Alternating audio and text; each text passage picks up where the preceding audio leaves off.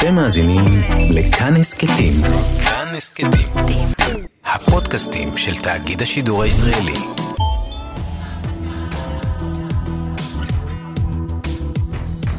עכשיו בכאן תרבות, מכת ברד עם איציק יושע.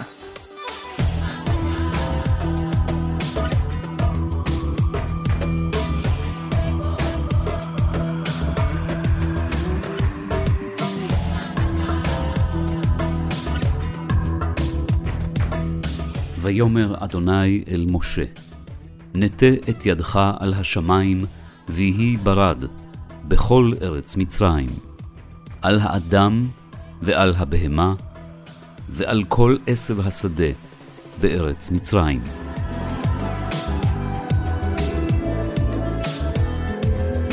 ויית משה את מטהו על השמיים, ואדוני נתן קולות וברד. ותהלך אש ארצה. וימטר אדוני ברד על ארץ מצרים.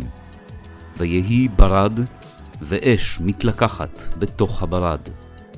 כבד מאוד, אשר לא היה כמוהו בכל ארץ מצרים, מאז הייתה לגוי.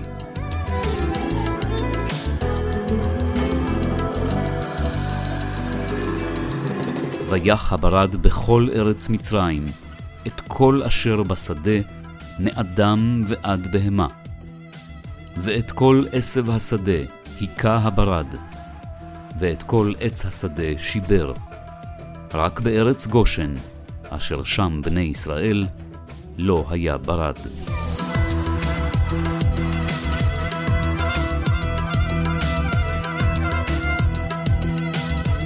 אז מהו הברד? אותה מכה שביעית שהייתה אמורה למוסס את ליבו הקשוח והגס של פרעה ולצוות על שילוח בני ישראל ממצרים.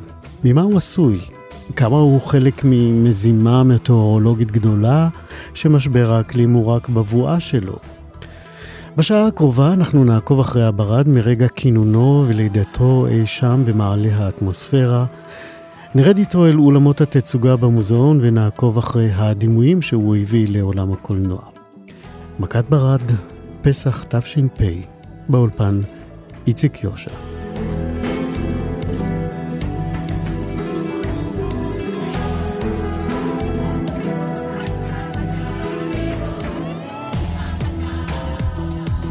עשר שעות, עשר מכות, בכאן תרבות. השנה היא 1992. חורף, סופת ברד חריגה בעוצמתה פוקדת את ישראל. אזורים נרחבים בשפלת החוף כוסו בשכבה של חלקיקי ברד בעובי של כמה סנטימטרים. הזיכרון הקולקטיבי משוגר מיד אל הימים ההם, ימי יציאת מצרים. אז מיהו הברד? ומהו מקומו בשרשרת המזון של המשקעים, אם אפשר לקרוא לה ככה? הפרופסור פנחס אלפרט הוא פרופסור אמריטוס באוניברסיטת תל אביב, שם הוא עדיין מוביל קבוצת מחקר במלוא העוז, ובין שלל תאריו ועיטוריו, פרופסור אלפרט זכה במדליה היוקרתית על שם ברקנס, ואנחנו אומרים עכשיו שלום לפרופסור פנחס אלפרט. שלום, שלום. חג שמח. חג שמח. אז מהו הברד, פרופסור אלפרט? כדי להבין מהו הברד ואיך הוא נוצר, צריך להבין כמה דברים מאוד בסיסיים באטמוספירה, בלי לתת את הקורס המלא. הטמפרטורה יורדת עם הגובה, mm-hmm. בדרך כלל. כמעט ב-99 אחוז, טמפרטורה יורדת עם הגובה. זאת אומרת, ככל שעולים הטמפרטורה יורדת. נכון. בממוצע היא יורדת בערך בשישה, שש, שבע מעלות לכל קילומטר של עלייה. זאת אומרת, אם אנחנו מגיעים לגובה של כעשרה קילומטר, הירידה היא בסדר גודל של 60-70 מעלות. ואז אנחנו נמצאים כמובן טוב טוב מתחת לאפס. זה הגובה שבו אנחנו טסים בדרך כלל בטיסות, לא בתקופה הזאת, אבל בתקופות שאנחנו טסים, במיוחד מעבר, חוצים את האטלנטי. עכשיו, טיפות מים שנוצרות בענן, הן נמצאות אה, בדרך כלל או בזרמי אוויר שעולים בתוך הענן, או בזרמי אוויר שיורדים. יש לנו בתוך ענן גם אזורים של עלייה של אוויר וגם ירידה. כאשר הטיפות עוברות את גובה הקיפאון, מה שנקרא רום הקיפאון, אפס מעלות. שזה בערך איזה גובה מפני הקרקע? שזה בחורף, זה משתנה, כשיש לנו אוויר קר מאוד, כשמתחילים לדבר על שלג, אז רום הקיפאון יכול להגיע קרוב לקרקע. אבל בדרך כלל בחורף זה סדר גודל של קילומטר או שניים. בקיץ זה כמובן הרבה יותר גבוה. כשלושה קילומטר או אפילו ארבעה קילומטר. Uh, ברגע שהן עוברות, הטיפות האלה שמטפסות למעלה למעלה ונדחפות על ידי האוויר באזור של שקע שמייצר גשם, אז ברגע שהן עוברות את גובה הקיפאון של אפס מעלות, הן יכולות להפוך לכבישי, לקרח. כבישי קרח כאלה אה, מתנגשים בטיפות מים, ומיד ברגע שמתנגשים בטיפת מים, הטיפה קופאת, וכך גביש קרח יכול לגדול במהירות בתוך ענן, וזה תלוי בכמה גורמים, אבל אחד הגורמים זה קצב העלייה, המהירות שבה הטיפה עולה למעלה. זאת אומרת, הגרעין הראשוני הקטן הוא בעצם גוש קרח קטנטן שסופח אליו טיפות מים שהוא נקרא, שנקרות בדרכו.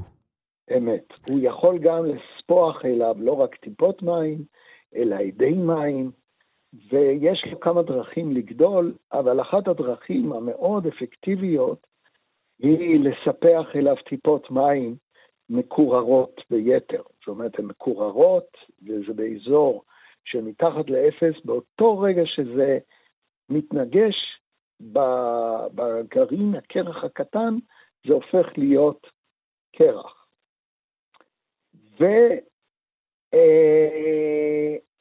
ובדרך אה, כלל בענן יש גרגירי או גרעיני קרח כאלה שעולים ויורדים, וכל זמן שהם עולים ויורדים בתוך הענן, הם יכולים להמשיך ולגדול ולגדול, עד שהם מגיעים לגובה, לגודל מסוים, שהם פשוט הופכים להיות כבדים מספיק כדי להתגבר על הזרמים העולים, ואז הם נופלים החוצה מן הענן, מבסיס הענן, וברגע שהם יוצאים החוצה מן הענן, הלחויות בדרך כלל נמוכות יותר, הם מתחילים קצת לאבד אה, מגודלם, אבל אם הן מספיק גדולות, אז הן יכולות, הטיפות האלה, להגיע לקרקע, וזה מה שאנחנו קוראים ברד.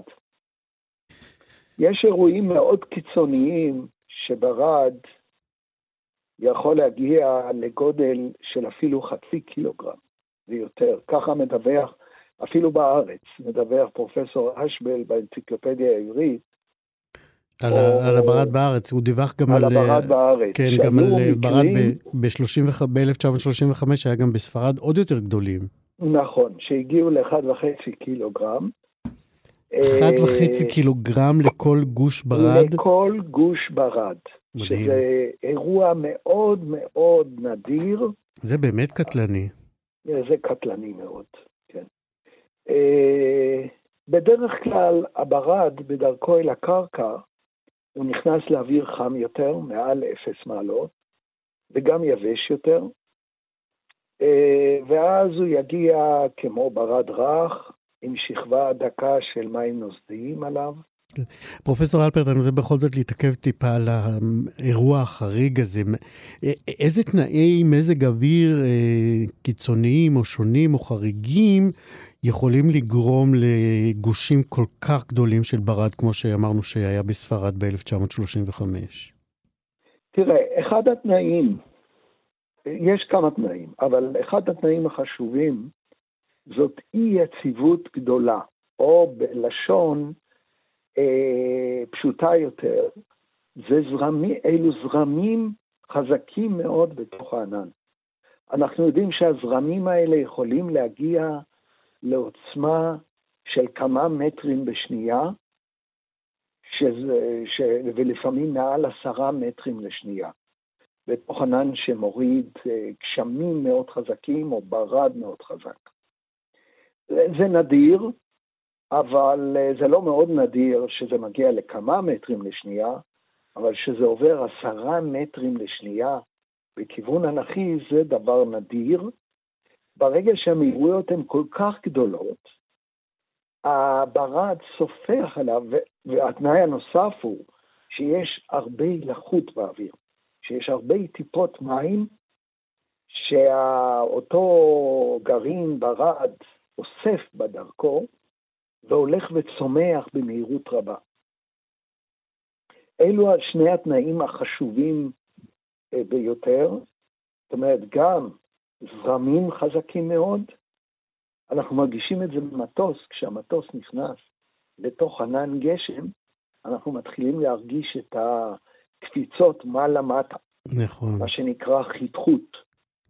כיסא אוויר, אנחנו אה. קוראים לזה בלשון העם. איך קוראים לזה? כיסא אוויר. כיסא אוויר, כן, כן. אבל פה לא. כיס אוויר, בדרך כלל מתייחסים אליו כאל צניחה אה, פתאומית של המטוס. מחוץ לענן, כן, כן מחוץ לענן. Mm-hmm. יש גם ירידות ועליות מחוץ לענן. בתוך הענן זה הרבה יותר אה, שכיח, ובמיוחד ענן של גשם בענן מפותח. קוראים לזה עננים מפותחים, זה אחד הדבר, הדברים הנוספים שנדרשים כדי שגביש כזה של קרח יצמח לגדלים אה, בלתי רגילים.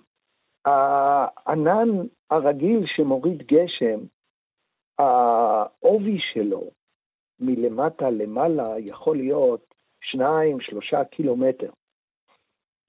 אבל ענן בלתי רגיל, אה, העובי שלו מהבסיס עד לפסגה יכול להגיע לעשרה קילומטר. כן.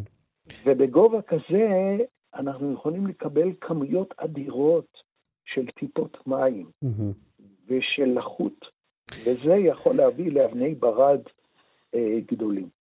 יש הבדל בצורת הברקות או בקשיות של, של, ה, של הברד? יש ברד רך יותר או ברד קשה יותר? כן, כן. יש שני סוגי ברד שאנחנו מכירים, ואנחנו... יש ברד שהוא מאוד מאוד אה, קשיח, שהטיפות מים קופאות עליו באופן מיידי ויוצרות שכבה שהיא מאוד מאוד קשה. אבל יש אה, גרגרי ברד שנוצרים מה שנקרא קרח כפורי, ש... ולא קרח סגוגי. הסוג הראשון זה קרח סגוגי, שיש כפייה מיידית של טיפות מים גדולות, והוא מהווה בעיה חמורה גם למטוסים שלא מאובזרים היטב למלחמה בקרח. קרח זה אחת הבעיות, התקרחות על המטוס, על mm-hmm. כנפי המטוס ועל אה, חופת המטוס, היא יכולה לגרום לאסון. אם המטוס לא מאובזר היטב כדי להילחם בהתקרחות הזאת. אם כן, ההבדל הוא בין קרח זגוגי לקרח כפורי. קרח זגוגי קשה הרבה יותר להעמיס, mm-hmm. משום שהוא הרבה יותר קשה צפוף וחזק, וקרח כפורי לעומת זאת הוא רך יותר. פעם היו משתמשים, דרך אגב, במטוסים לפני כמה שנים, mm-hmm. ועדיין אני חושב שמטוסים קלים, יש מה שנקרא התזת כהל, שהיו מתיזים כהל על הכנפיים, משום שברגע שמצטבר קרח מספיק על הכנפיים, mm-hmm. אה, הוא גורם לבעיה למטוס. כשאני תחקרתי את טייסי, את הטייסים למבצע אנטבה, גם הייתי אחראי במידה מסוימת כ, כהמטאורולוג הראשי בבסיס שממנו הם יצאו. אחד הדברים שהטריד אותנו ביותר זה התקרחות של כנפי ההרקולסים. אתה מדבר על ההכנות למבצע לחילוץ החטופים. אני מדבר על ההכנות למבצע אנטבה. מעניין. כן. ואחר כך תחקרתי אותם, ואז אה, סיפרו לי כמה דברים מעניינים, מה שקרה מעל אגם טנגניקה, אה, אגם ויקטוריה, כן. מה, תופעות טבע שלא, תופעות מטאורולוגיות שלא הכרתם?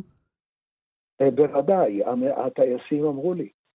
הטייס שתחקרתי, Mm. שהוביל, אחד מהטייסים שהוביל את מבצע אנטבה, אמר לי שהוא בכלל לא ציפה בגובה של חמישה, שישה, שבעה קילומטר להתקרחות, בגלל שההתקרחות מתרחשת ברגע ש... שיש, ברגע שאתה סביב רום הקיפאון, שהוא נמוך הרבה יותר אצלנו בארץ, במיוחד בחורף, מהמם. בסביבות קילומטר, שניים, שלושה. ושם זה היה שישה, חמישה, שישה, שבעה קילומטר. טמפרטורות שם חמות הרבה יותר. הוא אומר לי, הטייס, בתחקיר, בתחקור שעשיתי לו, פתאום אני מסתכל בגובה של אה, שישה, שבעה קילומטר, נדמה לי שזה היה 26 אלף רגל, שזה משהו כמו אה, שישה, שבעה קילומטר. אומר, פתאום אני רואה, הכנפיים מתקרחות לי. ומהרגילות של הטיסות מעל האטלנטי לארה"ב, באזור שלנו, מעל אירופה, אין דבר כזה. זה הבהיל אותם? זה... לא, היה להם בזמנו את האמצעים להעמיס את, את הקרח, אבל חייבים לנקוט מיד לפני, באמצעים להעמסת הקרח, שמתחיל להצטבר, לפני שהמטוס מתחיל לאבד את האיזון שלו. בגלל שקרח שמצטבר על הכנפיים גורם לאיבוד של האיזון של בזמן הטיסה, במידה והמשקל הופך להיות משמעותי. וזה יכול להיות מהר מאוד, כן. בעננים שיש בהם כמויות אה, התקרחות מאוד חזקה. פרופסור דרך אלפרט, אגב, זה סטנדרטי לתת לכל מטוס שיוצא את הגבהים שבהם ההתקרחות עלו- תתרחש או עלולה להתרחש, והמטאורולוגים, כשאני עבדתי כחזאי בחיל האוויר, זה- זאת הייתה משימה רגילה. עוד מעט נדבר על המודלים שהמצאת. כן. כן. אני רוצה לשאול אותך, פרופסור אלברט, אלפרט, אה, אה, אתה יודע, בספורט יש אה, ענפים שהם ככה מועדפים, נגיד האתלטיקה היא בריצות, אז הריצה, הריצות הקצרות הן כאילו מל, מלכות האתלטיקה. יש גם בין המשקעים, משקעים שהם פבוריטים אצלך? הברד, נגיד, איפה הוא נמצא בדירוג הזה? תראה, הברד עושה נזקים גדולים מאוד, במיוחד לחקלאות. אוקיי. הוא יפה לראות, אבל לא כשאתה חשוף בחוץ ואין לך מקום מסתור, ואתה יכול, אני, אני, היו לי מקרים כאלה שחטפתי ברד. האומנם לא הייתי בחוץ, הייתי במוסך, מהמם. וזה היה מפחיד ביותר. אה, חלקיקי ברד גדולים, של סדר גודל של סנטימטרים, נפלו על גג המוסך, וזה היה נשמע כמו הפצצה. זה היה פשוט כן, פחד גדול מאוד. זה חוויית אימה. כמובן שאני כמטאורולוג יצאתי מיד לראות את, ה... את החלקיקי הברד האלה. אנחנו מדברים uh, הרבה מאוד על uh, משבר האקלים, ואתה חוקר אותו כבר uh, יותר מ-30 שנה, נכון? נכון. Um, עשינו המון, אתם עשיתם, אני אומר עשינו, אתם עשיתם המון uh, פריצות דרך ב, uh, בחיזוי ובנקודות המבט על, ה, על, ה, על המשבר הזה. אמ, כמה באמת אנחנו אה, יכולים ללמוד מהיקף המשקעים אה, של אה, נגיד בחורף האחרון, או על... גם עכשיו היה, נדמה לי, לפני כמה חודשים, באחד האירועים היה המון ברד יחסית. כמה זה מלמד באמת על שינויים בטמפרטורות, באקלים? תראה, השנה האחרונה הייתה חריגה במובן, היו לנו רצף של שנות בצורת, הרבה שנים, ואנחנו רואים את זה ממפלס הלאומי שלנו, של הכנרת, כן. כן. השנה החריגה הזאת, כמובן שנה, שנה ברוכה בגשם, עד לפני נאמר 30, 20, 30 שנה, היא הייתה נחשבת שנה ממוצעת, מעל הממוצע, היא הייתה מעל הממוצע קצת, אבל עכשיו, אחרי רצף כזה של שנות בצורת, ההרגשה הפסיכולוגית היא שהייתה לנו שנה מאוד מאוד גשומה. ולא היא. האמת היא שאם לבדוק את הערכים, באמת השנה הזאת הייתה מעל הממוצע, כמעט בכל התחנות בארץ. יש תחנות שעוד לא הגיעו לממוצע השנתי, אבל בודדות בלבד. אה, ואנחנו מעל הממוצע בסדר גודל של 120-130 אחוז, אה, וזה כמובן משמח מאוד. אבל העניין הפסיכולוגי פה, בעקבות שנת הבצור, שנות הבצורת הרבות... כן, השנים השכונות והמראות הקשים של הכנרת. השכונות, כן. כן, אז ההרגשה שלנו היא שתמו כל הקיצים ואנחנו גמרנו עם הבעיות של התחממות כדור הארץ והבעיות. לצערי הרב, המגמות נמשכות ויש אירועים כאלה של שנה או שנתיים אפילו באמצע, לפי המודלים שלנו, אפילו באמצע המאה ה-21 יהיו לנו אירועים חריגים כאלה, אבל המגמה הרב-שנתית היא של הפחתה במשקעים. לצערי הרב, באמצע המאה ה-21 ל-2050, ההערכה היא להפחתה בסדר גודל של 20, בין 10 ל-20 אחוז, ובסוף המאה אפילו יותר. אה, אנחנו עשינו כמה פריצות דרך בתחום הזה. בקבוצת המחקר שלך. בקבוצת המחקר שלי באוניברסיטת תל אביב. הפריצה הגדולה אירעה לפני כ-15 שנה, או בין 10 ל-15 שנה. אנחנו היינו הראשונים שהפעלנו מודלים אזוריים, אקלימיים, מעל ישראל, מעל מזרח הים התיכון. מה שנקרא בלשון, בז'רגון המטאורולוגי, regional climate models, ובעברית, מודלים אקלימיים אזוריים. אלו מודלים שרצים, שאנחנו הרצנו אותם והצלחנו סוף סוף, לפני 15 שנה לראשונה, ב-2006, להריץ מודל כזה ברזולוציה שאין לנו מאף קבוצת מחקר, או לא הייתה לנו בזמנו, אף אחד לא יריץ עבורנו מודל אקלימי ברזולוציה גבוהה. ואנחנו הצלחנו לעשות את זה. ש... אני, אני רוצה להבין, אתה אומר אף אחד לא יריץ מודל כזה, אתה מדבר על מקומות אחרים בעולם. נכון, יש קבוצות, יש כ-20, בין 20 ל-30 קבוצות שמריצות מודלים גלובליים על כל כדור הארץ. ההפרדה שם המרחבית בזמנו הייתה גסה מדי בשביל ישראל, בוודאי לכנרת. אם אנחנו לוקחים שריג של 100 קילומטר, או בין 100 ל-200 קילומטר, לפני 15-20 שנה, אז, אז זה לא עזר כל כך לכנרת, או להבין מה הולך לקרות בכנרת או בירדן, משום ששריג כזה זה, זה הגודל של משקפיים, אתה לא רואה מתחת לזה. אז אתה צריך לעשות כל מיני אה, קירובים והערכות, מה יקרה בתחום היותר, אה, היותר עדין. אז זה מה שעשינו. במקביל, יש, אה, במקביל להרצת המודלים האלה, שיש להם עין הרבה יותר אה, טובה, כמו זכוכית מגדלת. בוא נסביר רק, פרופסור אלברט, למה טובים ולמה משמשים המודלים האלה. המודלים האלה נותנים לנו הפרדה הרבה יותר טובה. כיום אנחנו מריצים אפילו לאחרונה, בשנה האחרונה, עם שמונה קילומטר. מודל הקליני שרץ למאה ה-21, כן? אז מודלים כאלה באמת אפשר מהם ללמוד ולהבין הרבה יותר טוב מה הולך לקרות במאה ה-21 אה, מבחינת כמויות גשם, מבחינת טמפרטורות, מבחינת התאדות, שהיא חשובה מאוד גם כן במאה ה-21, בגלל ההתחממות, ההתאדות הולכת להיות הרבה יותר גדולה, אנחנו הולכים לאבד הרבה יותר אה, מים ממקווה המים, למשל הכנרת.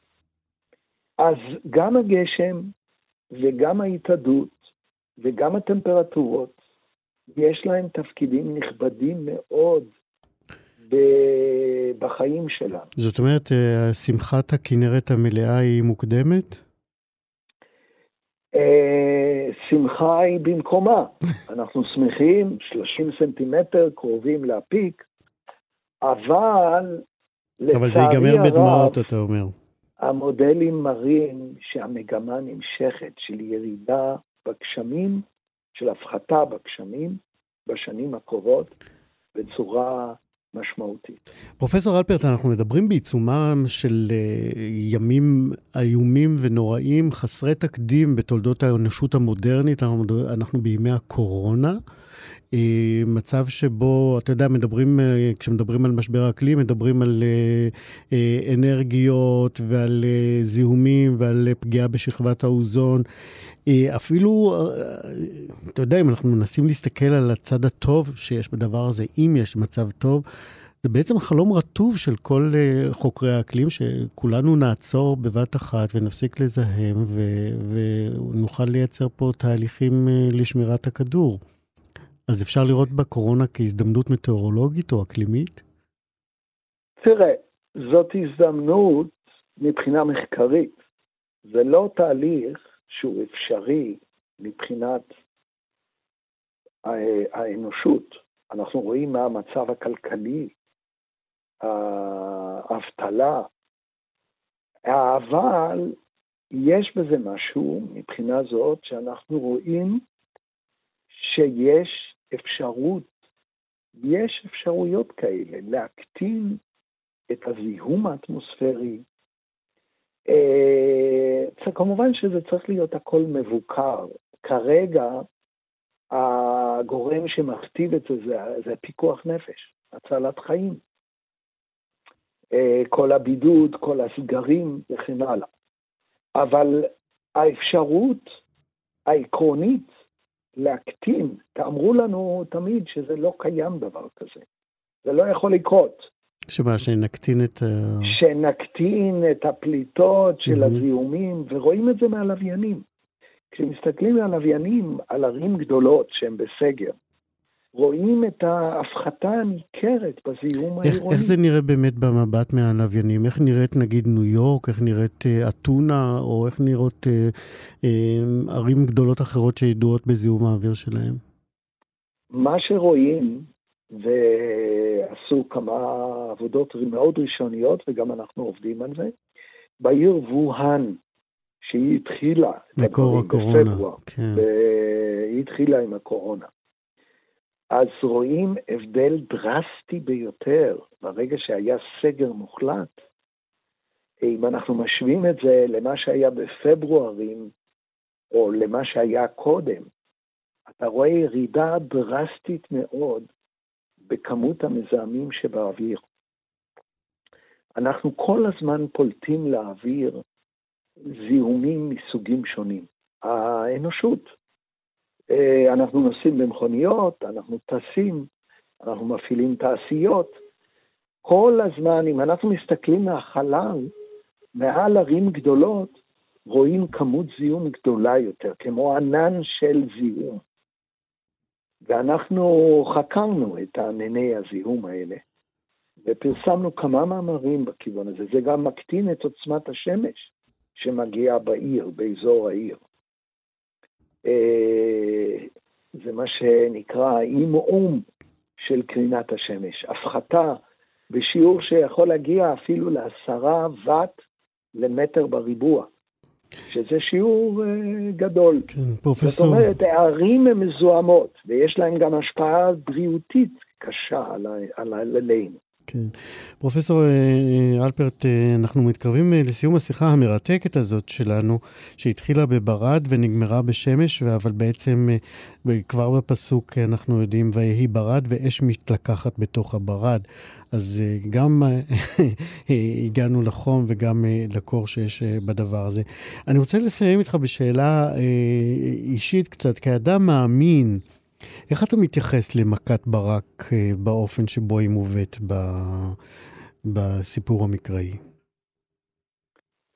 תראה, הברדים האלה, כפי שתיארנו עכשיו אה, קודם, בספרד, גושי ברד בקוטר של 15 סנטימטר, ובמשקל של 1.5 קילוגרמים ב-1935, הם מתרחשים, אבל הם נדירים מאוד מאוד. עדיין כאדם מאמין, אה, האירוע הזה שהוא יקרה בזמן מסוים, שמשה מגיע לפרעה ואומר לו למחר שיתכונן לברד כזה. אנחנו עדיין אין לנו אפילו עם כל האמצעים המודרניים את הכלים המדויקים עד כדי כך להגיד, ככה שנס המובן של נס, גם בקריאת ים סוף, יש עבודות שמראות שיש מצבים אטמוספריים נדירים מאוד, שים סוף, אנחנו יכולים לקבל קריאה של ים סוף. פרסמו את זה, יש בספרות. אה, מבחינה, אני לא רואה עם זה שום בעיה, כאיש אמונה, משום שהחוכמה של הנס מתזמון. ברגע שאנחנו צריכים, עם ישראל עומד על ים סוף וצועק אל השם, ומבחינה זאת, באותו הרגע בדיוק, המדע אומר שזה יכול לקרות אחת לכך וכך שנים, וזה קורה באותו הרגע. מבחינה אמונית, זה עדיין נשאר נס. אין לי עם זה בעיה. כי זה הכל עניין של תזמון, אתה אומר. כי העניין של התזמון הוא... אנחנו מכירים את זה הרבה פעמים שאנחנו נמצאים בעת צרה, ואנחנו מבקשים ומתפללים, ואם זה קורה באותו הרגע, אז מבחינתנו, באופן אישי, זה נס. אבל למישהו מבחוץ יכול להסתכל ולומר, היי, אני יודע בדיוק, אני יודע, המודל התחזית, אני יודע בדיוק, זה היה צריך לקרות, פחות או יותר. פרופסור פנחס אלפרט, פרופסור אמריטוס באוניברסיטת אה, תל אביב, שמוביל שם קבוצת מחקר, לשעבר אה, ראש בית הספר ללימודי הסביבה על שם פורטר. אני מאוד מאוד מודה לך על השיחה המעניינת הזאת. חג שמח. תודה רבה וחג שמח. להתראות. להתראות. עשר שעות, עשר מכות, בכאן תרבות.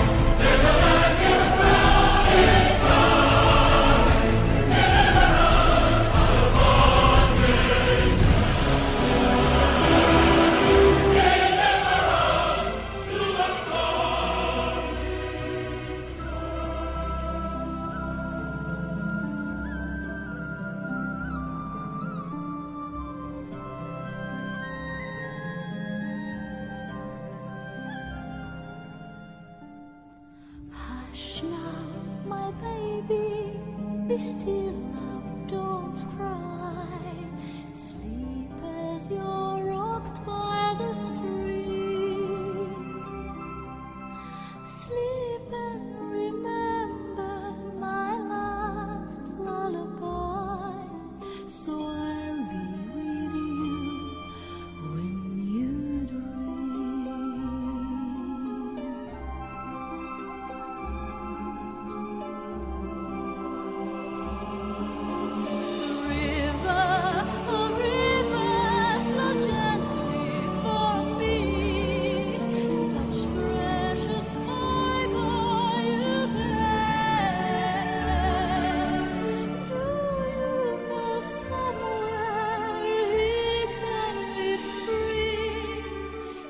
אנחנו שומעים את אה, עופרה חזה מתוך אה, הסרט נסיך מצרים של אה, סטיבן ספילברג, ואחרי שהבנו את קסם היווצרותו של הברד ומקומו בין שאר המשקעים, אנחנו ננסה להאיר אותו, את הברד, עכשיו באור נוסף, באור היותו כדימוי בקולנוע.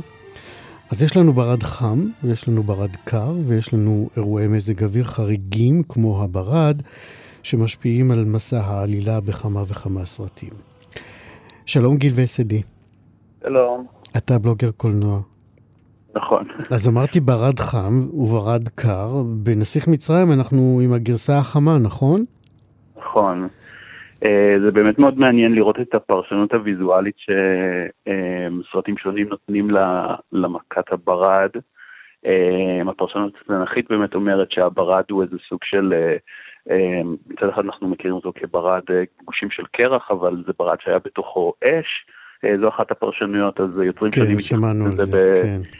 אז אה, אה, בנסיך מצרים, כמו שאמרת, באמת זה נראה יותר כמו איזה גשם של מטאורים, או, או אש וגופרית שיורדות מה, שיורדים מהשמיים. אה, סרטים אחרים, כמו אה, אקסודוס של רידלי סקוט מ-2014, התייחסו לזה באמת בצורה קצת יותר, אה, כמו שאנחנו מכירים, כאיזשהו סוג של אה, ברד אה, גבישים של קרח שיורדים מהשמיים. מה התפקיד של הברד בתוך העלילה, או האופן שבו הוא מוצג?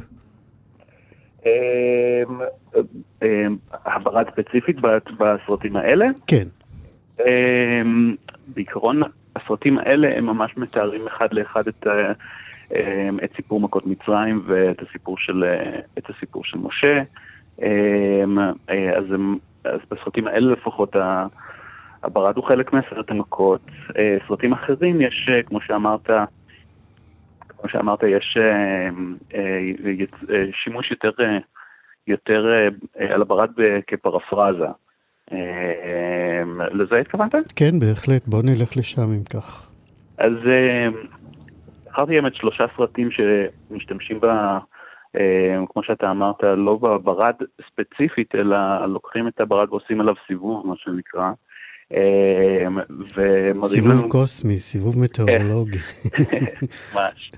אה, ומשתמשים בעצם, לקחו את זה כאיזשהו פתח להסתכל על אה, תופעות מטאורולוגיות אה, יוצאות דופן, ומשתמשים בהם בצורה יצירתית. סופת קרח של אנגלי, זה סרט קצת נשכח מסוף שנות התשעים, שיש בו אנסמבל קאסט מאוד מרשים של, של שחקנים מבוגרים וצעירים.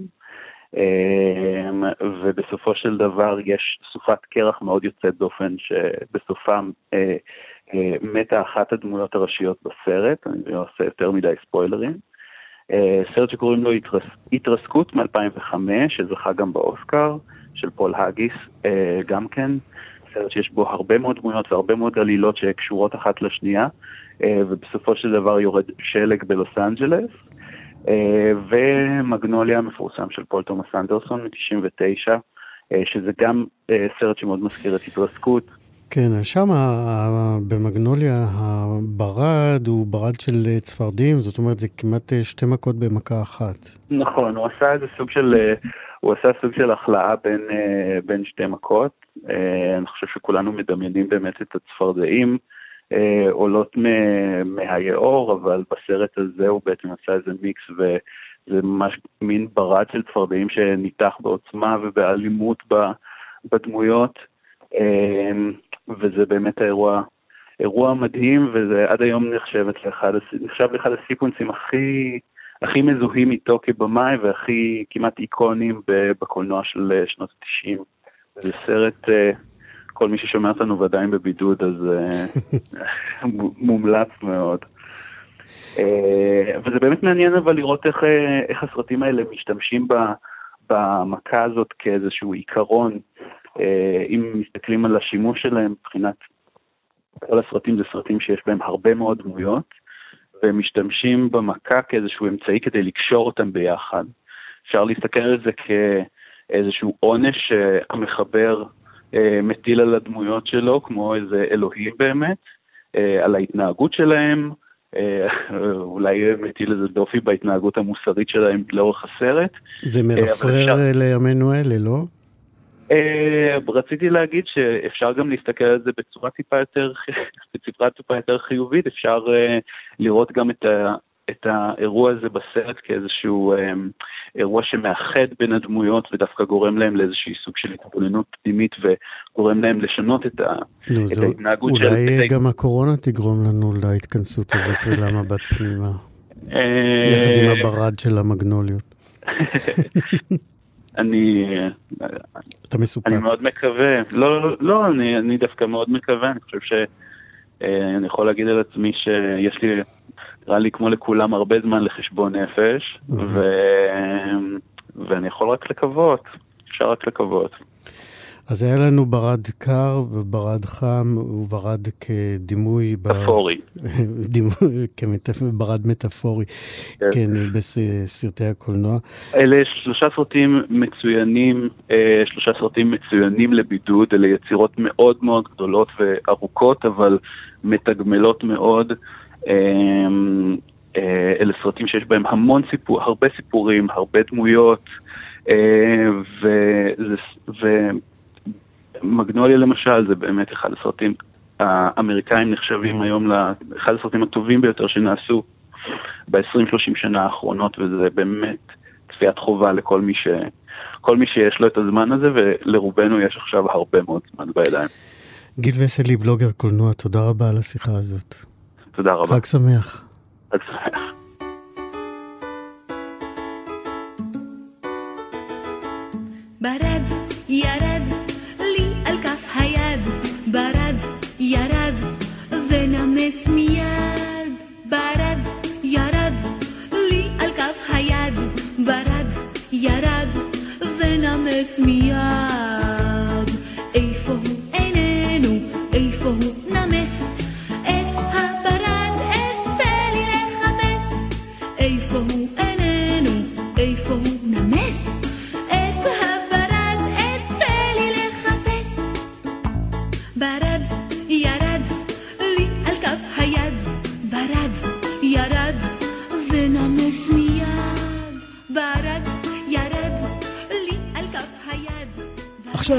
אנחנו נכניס את הברד אל אולמות התצוגה במוזיאון, ואנחנו נגיד שלום לרותי דירקטור.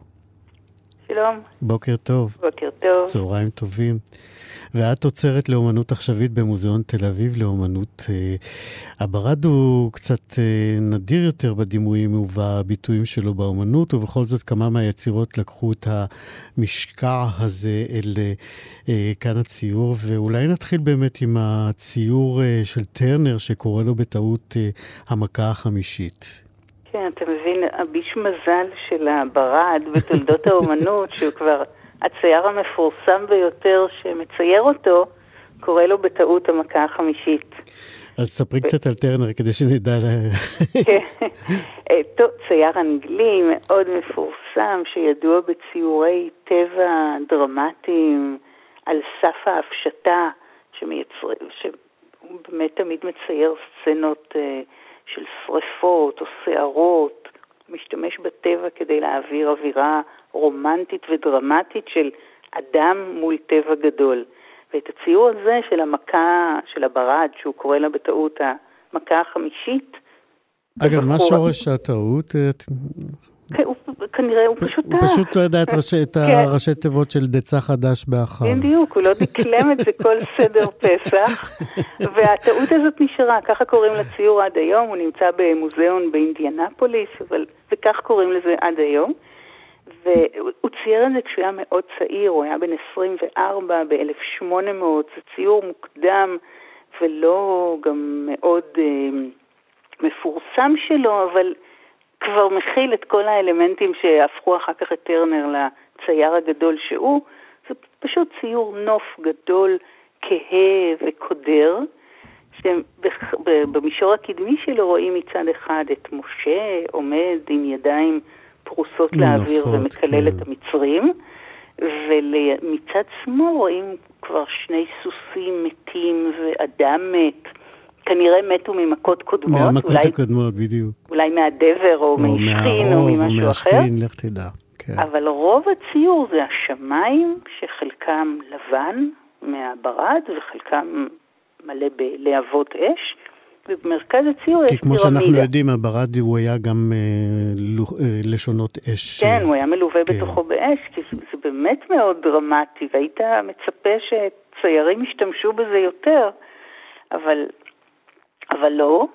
ובמרכז הציור יש פירמידה, מה שממקם את הציור הזה ב... מצרים. במצרים. וזה ציור שהוא, כצייר צעיר בן 24, הוא הציג את הציור הזה לאקדמיה המלכותית, ל-Royal Academy, מה שהיה תמיד כבוד מאוד גדול, ובעצם הוא השתמש בנושא הזה כדי להפגין את היכולות שלו, את יכולות הציור שלו, להראות דרמה וציור נוף מאוד מאוד אה, אקספרסיבי ורומנטי, רומנטי במושגים של הציור האנגלי של אז. אבל, אה, אז זה נגיד הציור של הצייר המפורסם ביותר, כן. אבל זה לא ציור. אה, ברד. ברד המפורסם ביותר, זה שמור למישהו שהוא גם צייר אנגלי, הרבה פחות מוכר מטרנר, ג'ון מרטין, מהמם. אבל אני חושבת שבכל זאת, אם אני מע- מעבירה לי בראש ציורי ברד שאני מכירה, אז זה הציור המרשים ביותר. אז בואי תתאר, קודם כל שימי ככה את ג'ון מרטין אה, בקונטקסט אה, שלו אה, במפת האומנים הוא גם והתקופות. צייר של המחצית הראשונה של המאה ה-19, אבל הרבה פחות מוכר, והפרויקט המשמעותי ביותר שלו היה תיאור של סצנות תנכיות, אז הציור הזה הוא אחד, אחד מהם, והוא הוא בבירור גם מושפע מטרנר, הוא מושפע מהרבה אומנים גדולים יותר וחשובים ממנו, גם uh, ציירים uh, צרפתים, והציור הזה הוא גם הוא, רואים במישור הקדמי שלו עכשיו את משה ואהרון עומדים בצד, ובמלוא הדרמטיות אה, משה גם מרים את ידיו, אבל הברד נראה במלוא תפארתו, מהמם. ממש חלק מהשמיים, זה, זה ל- אה, ציור לבן מאוד עשיר, מלווה ב, באש. היית אומרת שזה אתגר אה, אומנותי, הברד, מכל המכות האחרות שהן אה, באופן אה, אולי אינסטינקטיבי הרבה יותר מזמינות, הרבה יותר יצריות, הרבה יותר דרמטיות. יכול להיות, כי המכות האחרות, אני חושבת שיש בהן משהו יותר סיפורי, מזמין משהו יותר סיפורי. פה זה, זה באמת יותר מחייב איזה ציור נוף בעצם. ציור של התרחשות שקורית כולה בשמיים. אמ, דווקא כשאני חושבת על זה, אולי אה, זה מפתיע שלא יותר ציירים אה, נדרשו ל- לאתגר הזה או לסיפור הזה, כי כשאני מסתכלת על הציור של ג'ון מרטין, שגם הוא נמצא במוזיאון בארצות הברית, בבוסטון, זה ציור מדהים ומרשים מאוד, עם המון אנשים, המון דמויות, רואים בצד את כל המצרים המסכנים שמצטופפים מתחת לאיזה מבנה גדול בניסיון אה, למצוא מחסה. להימלט, כן. מאחור רואים גם איזה, רואים פירמידות, כמובן יש שם שילוב אה, של אה, פירמידות ומבנים אה, אירופאיים, מערביים, כמו שנהוג בהרבה ציורים כאלה, אבל זה ציור מאוד דרמטי ומאוד מרשים. נלך אבל ל... כן, כאמור, אין הרבה, אה, אין עוד הרבה כאלה ציורים. בסדר גודל מרשים כזה. כן. כן. אז זה אה, באמת הברדים האחרים שמתוארים, ש- שאני, שנחרטו בתולדות האומנות, הם לאו דווקא הברד של מכת מצרים, אלא מכת ברד אה, דרמטית לא פחות, שהייתה במאה ה-14, 1360. כן, שזכורה בתור, בתור יום שני השחור, וזה היה חלק ממלחמת מאה השנה בין אה, אנגליה לצרפת, שבה הצבא של אדוארד השלישי מהמם. עומד בשערי שארטו בצרפת, מחכים להסתער על העיר, ואז בלילה מתחילה איזו סופת ברד איומה ונוראה, שתוך חצי שעה הורגת כאלף חיילים וכששת אלפים סוסים. אתה מדמיין את הדבר הזה? דרמה אמיתית.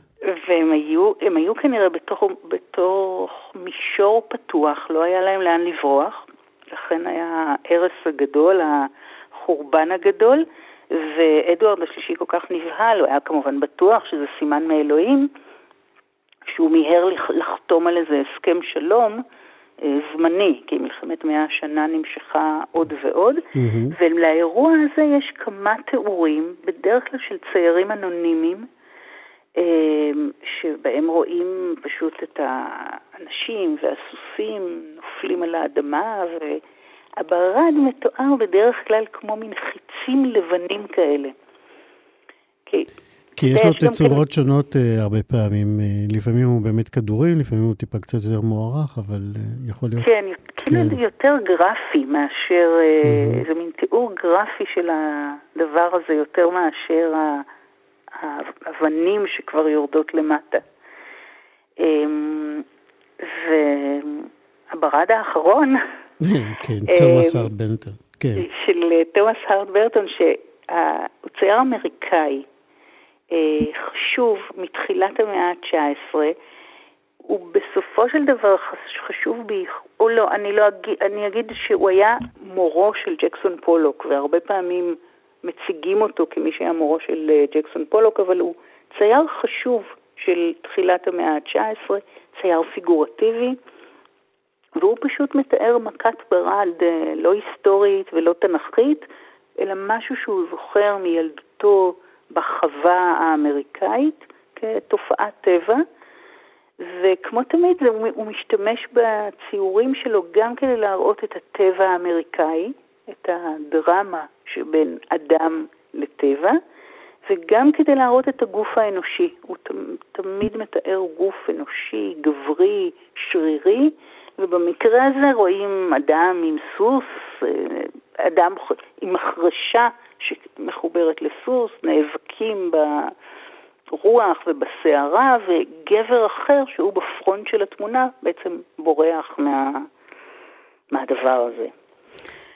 יכול... אז אמ, כן. אי אפשר להגיד שהברד השאיר את חותמו על, אה, אה, באופן מרשים על תולדות האומנות, אבל בכל זאת פה ושם יש אה, נוכחות או רשמים כאלה של ברדים ב- לאורך השנים. והנה אנחנו באנו עם אה, ערב הפסח שלנו כדי אה, להאיר את הברד גם אה, בחלק הזה של כן. העשייה האנושית האומנותית. ארבעה ציורים על ברד. רותי דירקטור, עוצרת לאומנות עכשווית במוזיאון תל אביב לאומנות, תודה רבה מאוד על השיחה הזאת. תודה רבה. חג שמח. חג שמח. להתראות. ברד ירד בדרום ספרד הערב. שוב? ברד ירד בדרום ספרד הערב. היא מדברת. היא מדברת. ברד ירד בדרום ספרד הערב. ממש כמו גברת. ממש כמו גברת. עכשיו שנית. מה שם ירד? ירד.